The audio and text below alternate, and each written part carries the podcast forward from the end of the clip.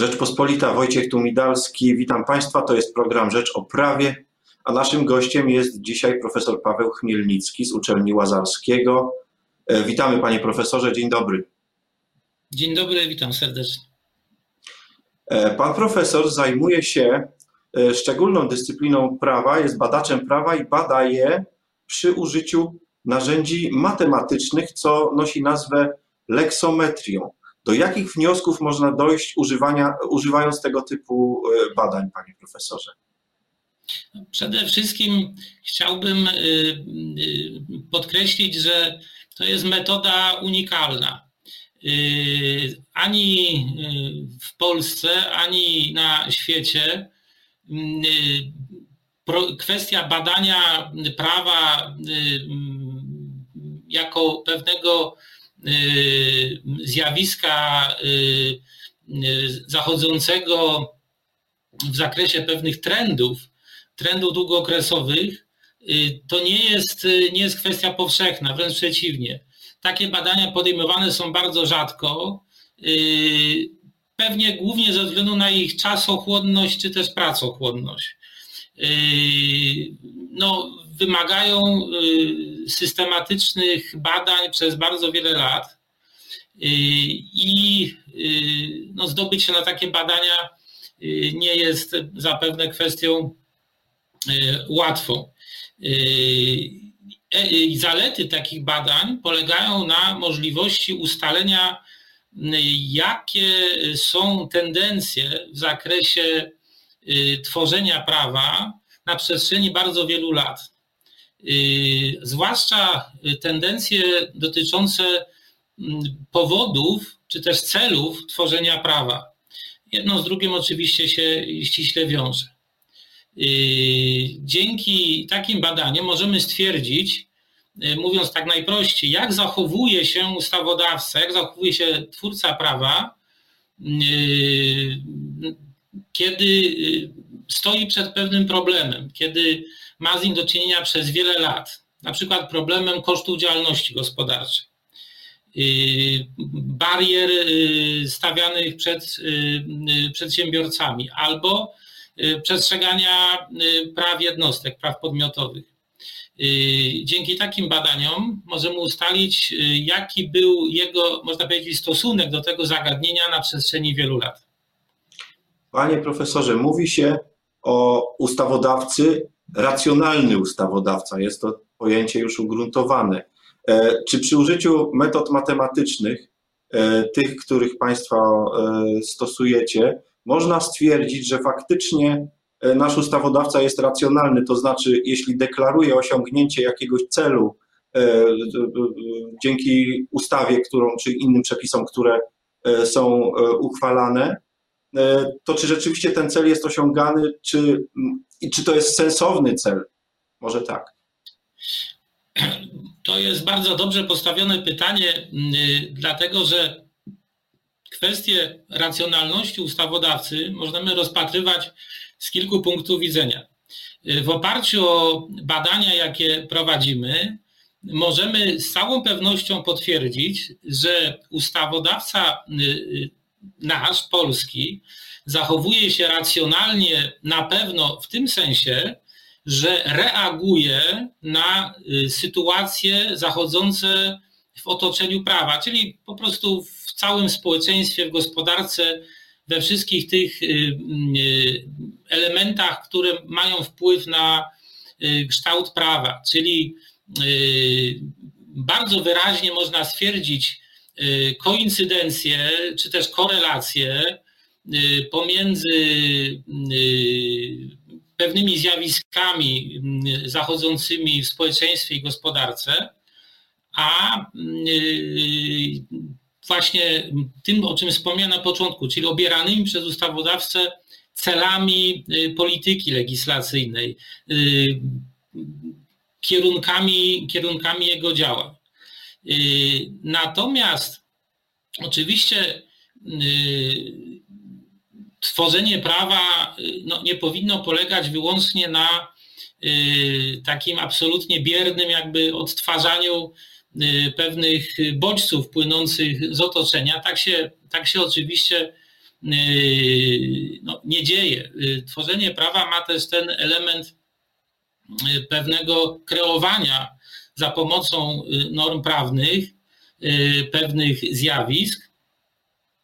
I tutaj kwestia racjonalności może już przedstawiać się inaczej. To znaczy, możemy zarówno rozpatrywać ją na płaszczyźnie Y, zgodności pomiędzy pewnymi y, oficjalnie deklarowanymi celami, y, a tym, jaka tendencja zachodzi naprawdę w ustawodawstwie, także zgodności pomiędzy celami polityki legislacyjnej, które nie są powiedzmy akcentowane wyraźnie, ale też, też występują Y, i y, tym, co się, co się naprawdę dzieje, że tak powiem, w, zakresie tworzenia y, prawa. I wreszcie no można, można tą racjonalność odnieść do pewnego planu czy pomysłu na to, jak ma wyglądać społeczeństwo, gospodarka na skutek implementowania pewnych norm prawnych. Y, I tutaj z tym planem, y, no to też y, bywa różnie. Niekiedy można zauważyć konsekwencje ustawodawcy w nawiązywaniu do takiego planu. Możemy jeszcze dzisiaj podać co najmniej jeden dobry przykład takiej konsekwencji, ale też no, można, można wskazać oczywiście sytuację, kiedy tej konsekwencji brakuje. Panie profesorze, to powiedzmy o konkretach ponieważ e, no, żyjemy w szczególnych czasach, mamy sytuację nadzwyczajną, choć nie mamy stanu nadzwyczajnego ogłoszonego w kraju, mimo że przepisy po temu istnieją. E, no tutaj ustawodawca nasz racjonalny, z, z definicji oczywiście racjonalny, e, postanowił postawić na innego typu rozwiązanie, sięgnął po ustawę o zwalczaniu chorób zakaźnych, do tego są specjalne przepisy, rozporządzenia mocno ingerujące E, w swobody obywatelskie, w zasady prowadzenia działalności gospodarczej. Czy reakcja prawno, e, prawna e, ustawodawcy była tutaj adekwatna, nadmierna? Jakby pan to ocenił?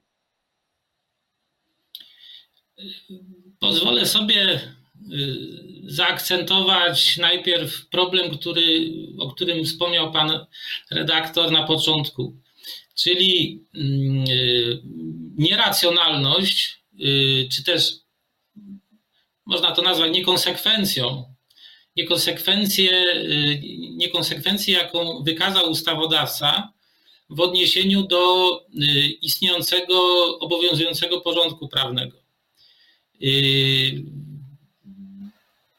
W naszym systemie prawnym obowiązywały przecież w momencie wybuchu pandemii rozwiązania, zarówno na poziomie konstytucyjnym, jak i ustawowym, które no, powinny były być aktywowane. W szczególności chodzi o aktywowanie regulacji dotyczących stanów nadzwyczajnych. To nie nastąpiło. Yy, czy to było nieracjonalne?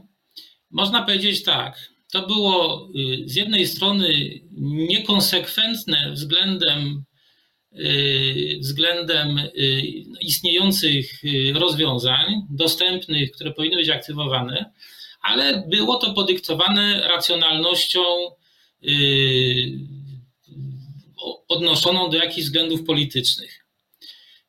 Dużo na ten temat już powiedziano, że chodziło o kwestię terminu wyborów i tak dalej. To spowodowało, że zamiast stosować i rozwijać konsekwentnie regulacje adekwatne do sytuacji, zaczęto tworzyć ad hoc z dnia na dzień w bardzo dużym pośpiechu i oczywiście y, z wieloma y, no, mankamentami regulacje, y, które były substytutywne względem tych, jakie no, istniały i powinny być aktywowane. Czyli zaczęto tworzyć y, na bazie różnych no, mniej czy bardziej adekwatnych do sytuacji regulacji kolejne kolejne, które noszą wszelkie cechy tak zwanego specjalnego ustawodawstwa, czyli w skrócie specustaw. I to się wiąże z wykazaniem przez to ustawodawstwo pewnej bardzo typowej dla, dla takiego ustawodawstwa cechy. Specustawy, a jest ich już o, według różnych y, obliczeń kilkanaście albo już nawet kilkadziesiąt y, w polskim systemie prawnym. Właściwie, jeżeli doliczyć te specustawy antykowidowe, to już na pewno kilkadziesiąt. Y, one mają jedną wspólną cechę, mianowicie każda z nich zawiera element pewnego ograniczenia, redukcji poziomu ochrony praw obywatelskich, praw podmiotowych, praw jednostek. Tak się oczywiście też dzieje y, właśnie w przypadku y, tych y, specustaw antykowidowych i powstaje pytanie, czy wszystkie te zabiegi dotyczące ograniczenia standardu ochrony praw podmiotowych, czy mają dobre uzasadnienie w świetle potrzeb związanych z, z walką z pandemią? Mają, Otóż panie profesorze, mają? No właśnie. Otóż na pewno już możemy w tej chwili powiedzieć, to jest podkreślane często przez wielu, wielu ekspertów, że mm, nie, w, w, w różnych wypadkach, nie chcę używać słów wielu czy bardzo wielu, ale na pewno jest to, jest to zauważalna, znacząca Y, liczba y, różnych rozwiązań, które dość trudno powiązać, albo które, których się w ogóle nie da powiązać y, ze zwalczaniem pandemii. Na przykład kwestia przekazywania różnych danych o obywatelach pomiędzy różnymi służbami, których, które trudno, trudno uzasadnić walką z pandemią, czy kwestia na przykład Y, ustawodawstwa związanego z zatrudnieniem, gdzie są różne rozwiązania, y, które znów bardzo trudno uzasadnić y, walką z pandemią. Oczywiście każde to rozwiązanie w jakiś tam sposób można, można by próbować usprawiedliwiać. Natomiast wydaje się, że zachodzi tutaj taka sytuacja dosyć charakterystyczna, znana już z, z różnych innych krajów i z, z, innych porządków prawnych, z innych sytuacji. Kiedy w takim momencie, kiedy dochodzi do y, zagrożenia dla mm, bezpieczeństwa szeroko rozumianego publicznego, obywatele godzą się na y, jakieś właśnie doraźne redukowanie ich Y, ich y, praw podmiotowych, przy okazji, że tak powiem, czy jak to się mówi w języku prawnym, przy sposobności takiego działania y, dokonuje się kolejnych, kolejnych takich zabiegów, już niekoniecznie niezbędnych czy niekoniecznie uzasadnionych. I co gorsza, trwanie takich rozwiązań okazuje się bardzo żywotne, znacznie przekraczające swoim okresem Y, tę, tę sytuację, która to wywołała, to, to niebezpieczeństwo, które było usprawiedliwieniem wprowadzenia takich rozwiązań. No nie brzmi to zbyt optymistycznie, panie profesorze, bo spójrzmy na to od strony właśnie y, podmiotu jednostki. E, jak długo e, w tej sytuacji będzie mogło państwo korzystać z informacji dotąd objętych tajemnicą skarbową, choćby nawet to? E, wspomniał też Pan o no, istotnym ograniczeniu praw pracowniczych e, i z kolei zdaje się, że można również zaobserwować e, duże wzmocnienie dużych graczy, największych przedsiębiorstw, szczególnie tych z udziałem państwa na rynku. Jak długo to może potrwać? Poproszę o krótką odpowiedź na koniec. To może potrwać bardzo długo i tezę tę wywodzę z historii naszego własnego ustawodawstwa, właśnie tak zwanych specustaw. Y, pierwsza y, specustawa, dzisiaj y, wykazywana jako właśnie tego typu akt, pochodzi z 2003 roku. To jest ta słynna specustawa drogowa, która miała służyć budowie autostrad. Ona miała obowiązywać tylko przez 3 lata. Y, I ona właśnie obejmowała bardzo silne elementy ograniczania praw podmiotowych, głównie w sferze praw właścicieli y, nieruchomości.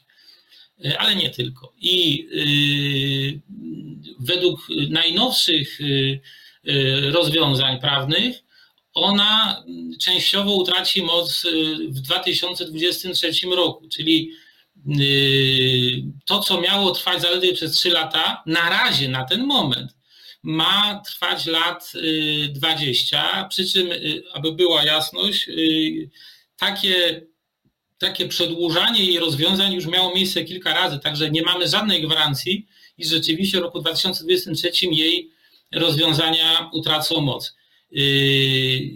Podobnie jest z pozostałymi specustawami.